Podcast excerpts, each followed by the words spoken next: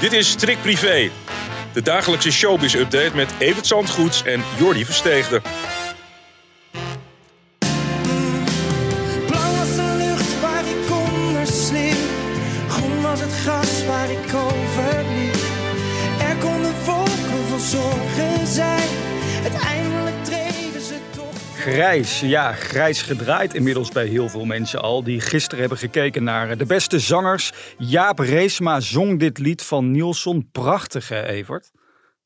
Ja, heel mooi. En, en 1,1 miljoen kijkers. Dus de cijfers van beste zangers zijn ook eh, weer opgeklommen tot het eh, niveau waarop we ze graag zien. Dus ja, het zal een enorme impact hebben. En ik gun het hem ook wel, moet ik zeggen. Want zijn carrière begon, eh, kwam hard uit de startblokken. Maar het grote publiek krijgt toch weinig mee van Jaap. En is heel succesvol in België. Maar ik denk dat hij zichzelf hiermee wel op de kaart zet. Zoals Tino Martin dat ook een keer gedaan heeft. En, Ja. In dat beste zangers. Dus ja, nee, het is en voor het programma goed en voor hem ook. Ja, en Nielsen, ik, ik, het mooiste vond ik dat Nielsen zei van ja, mijn tranen zijn gewoon op. Ik zou het liefst willen huilen na deze vertolking. Maar ik heb in die afgelopen jaren waarin ik dus, hè, want eh, dit lied is geschreven omdat zijn, zijn neef is overleden. Ik heb zoveel tranen gelaten. Ik merk nu dat alles eruit is. En ehm, nou ja, prachtig om even terug te kijken op YouTube. Inmiddels al 33.000 keer bekeken. Ik verwacht dat dit een dikke nummer 1 hit wordt.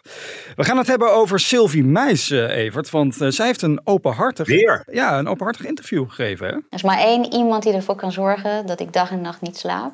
Nee, dag en nacht niet. Elke nacht niet kan slapen Ja. als er iets zou zijn. En dat is hij. Hoe, eh, hoe gaat het daar dan nu mee? In met het... Ik zie dat je een beetje eh, emotioneel van Ja, bent. dat maakt me heel erg emotioneel. Ja, en ik mis hem. Elke dag. Ja, het is de tweede keer dat we het over Sylvie Meis hebben deze week. En niet voor niks. Want eerst waren het Duitse media die signaleerden dat er wel degelijk wat aan de hand is in het huwelijk van, van Sylvie en haar, eh, haar kunstenaar eh Nicolas Nic- Castello. Nicolas Castello. Ja, maar zo heet hij niet echt. Hè? Oh. Er is wel wat aan de hand. Ze heeft nu zelf verteld bij Robert Rodenburg dat, dat ze niet samenwonen. Wat je in Nederland verplicht bent trouwens, hè, volgens de wet. Als je trouwt, dan, ben je, dan verplicht je je tot Oh, ja. samenwonen. Oh. En dat eh, wordt niet erg nageleefd, dat wordt niet op gecontroleerd. Maar het is nog wel een regeltje wat er nog steeds staat. En ja, Sylvie en hij hebben, wat ze zelf zeggen, een modern huwelijk uitgevonden. Ze gaan alleen samen op vakantie. En ze zien elkaar in de weekenden. Nou, dat is ook een manier om het leuk te houden. dat doen ze. En ja, ik weet het niet, dit huwelijk. Het is eh, voor de buren gesloten in, in Florence, eh, twee jaar geleden in september. En ik begrijp die man niet helemaal. Iemand die niet op de foto wil, die zelfs op zijn huwelijk eh, zijn hoofd afdraait of op zijn rug gefotografeerd wordt. En die trouwt dan met Sylvie Meis. Nou, Ja. Dat is toch niet de basis voor een geweldig huwelijk, denk ik. Als je leeft met een vrouw die eh, de, de meest gefotografeerde van Duitsland wil zijn. Ja, nu, nu deel jij eh, hier en daar een sneertje uit. Eh, over sneertjes gesproken. Ze heeft het nogal tegen de Nederlandse pers, merkte ik op in dat interview. Ze zegt dat wij te venijnig zijn. Venijniger in ieder geval dan de Duitse pers. Hoe sta jij daarin? Nou, ik zie dat niet helemaal. Want als je ziet hoe de Duitse pers dit eh, eh, lichaamstaal eh, helemaal aan het analyseren is op dit moment.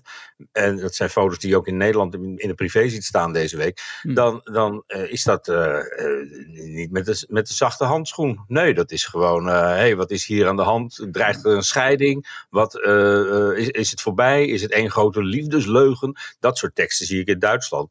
En die zie ik hier wel helemaal niet. Ja, bij ons deze week. Omdat die Duitsers dat schrijven. Straks, Evert, sluiten wij de week weer af met een eh, nieuwe editie van Eventjes aan Evert vragen. Ik heb hier een eh, tombola voor mijn neus staan waar echt inmiddels al zoveel vragen in zitten. We hebben daar echt wel een aantal vrijdagen voor nodig, dus eh, dat zometeen. Maar eerst even, komende zondag voor alle fans is het zover. Linda de Mol keert terug op tv bij Miljoenenjacht. Nou, dat is toch een moment. Ja, dat vond ze zelf ook. Ze krijgt een, eh, het is natuurlijk al opgenomen, dat programma, een staande ovatie. Ze pinkt een traan weg. En dat doet denken aan de weinige keren dat we na haar vertrek eh, Mies Bouwman nog op tv terug zouden komen. Nou, dit niveau is het natuurlijk ook. Linda is gewoon de Mies Bouwman van deze tijd. Mhm. Doodzonde dat we het dit jaar niet hebben gezien. We weten allemaal waardoor. En het lijkt mij verstandig om terug te komen in zo'n format als eh, eh, Miljoenenjacht. Heel erg strak. Weet je waar eh, eh, Johnny ook voor kiest. Eh, niet in een talkshow waar je meteen dingen over jezelf moet vertellen, maar gewoon eh, in, in, een programma wat, wat je zit als een handschoen. En waar je eh, eventjes er doorheen moet, dat je weer voor die mensen staat. Die mensen die belonen je met een staande ovatie. En dan kan je gewoon weer met die koffertjes aan de slag. En er een mooie aflevering van Miljoenenjacht van maken. En ik denk dat mensen er heel erg geïnteresseerd in zijn. Om te zien hoe ze eruit ziet. Hoe ze uit deze crisis is gekomen. En wat fijn dat Linda er weer is zondagavond. Wij gaan eh, feliciteren, want uh, Rutja Kot is vandaag jarig. 62 jaar. Ik zag haar gisteravond nog op televisie bij Fout maar Goud. Wat een lieve, lieve vrouw is dat, hè?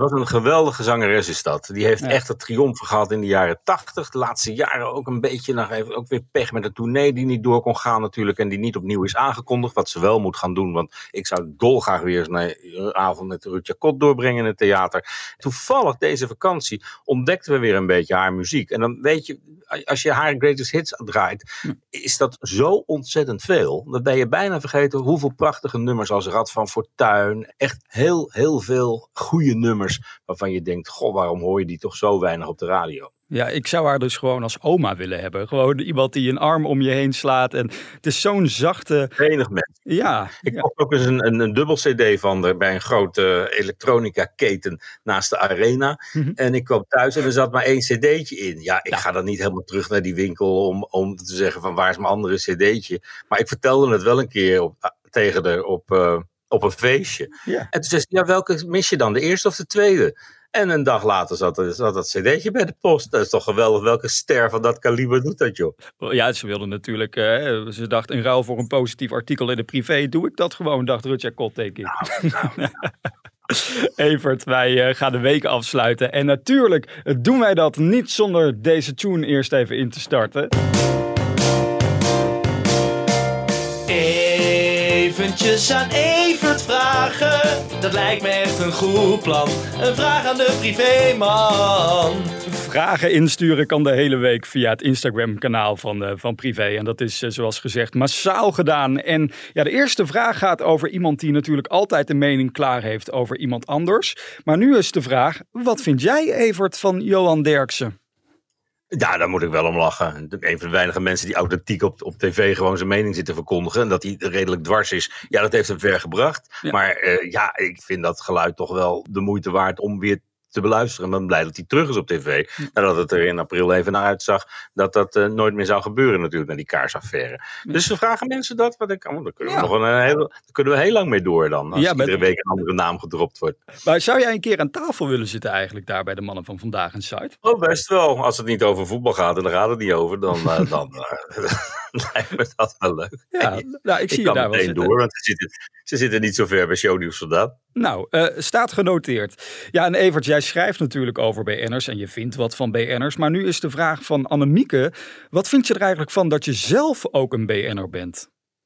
Nou, dat is, eh, ja, dat, dat, dat is een gevolg van eh, af en toe je op tv je mening verkondigen. Je hebt er niet echt voor gekozen, maar ja, terug kun je ook niet meer. Nee. Maar het is best leuk, moet ik zeggen. En eh, mensen hebben hun mening altijd wel klaar. En dan roepen ze meestal wat ik zeg aan het einde van, van, van shownieuws. Nederland is weer bij. Ja. En laatst had ik iemand bij de benzinepomp langs de A2. En die zei, ja, ja, u bent het. Nederland is weer op de hoogte.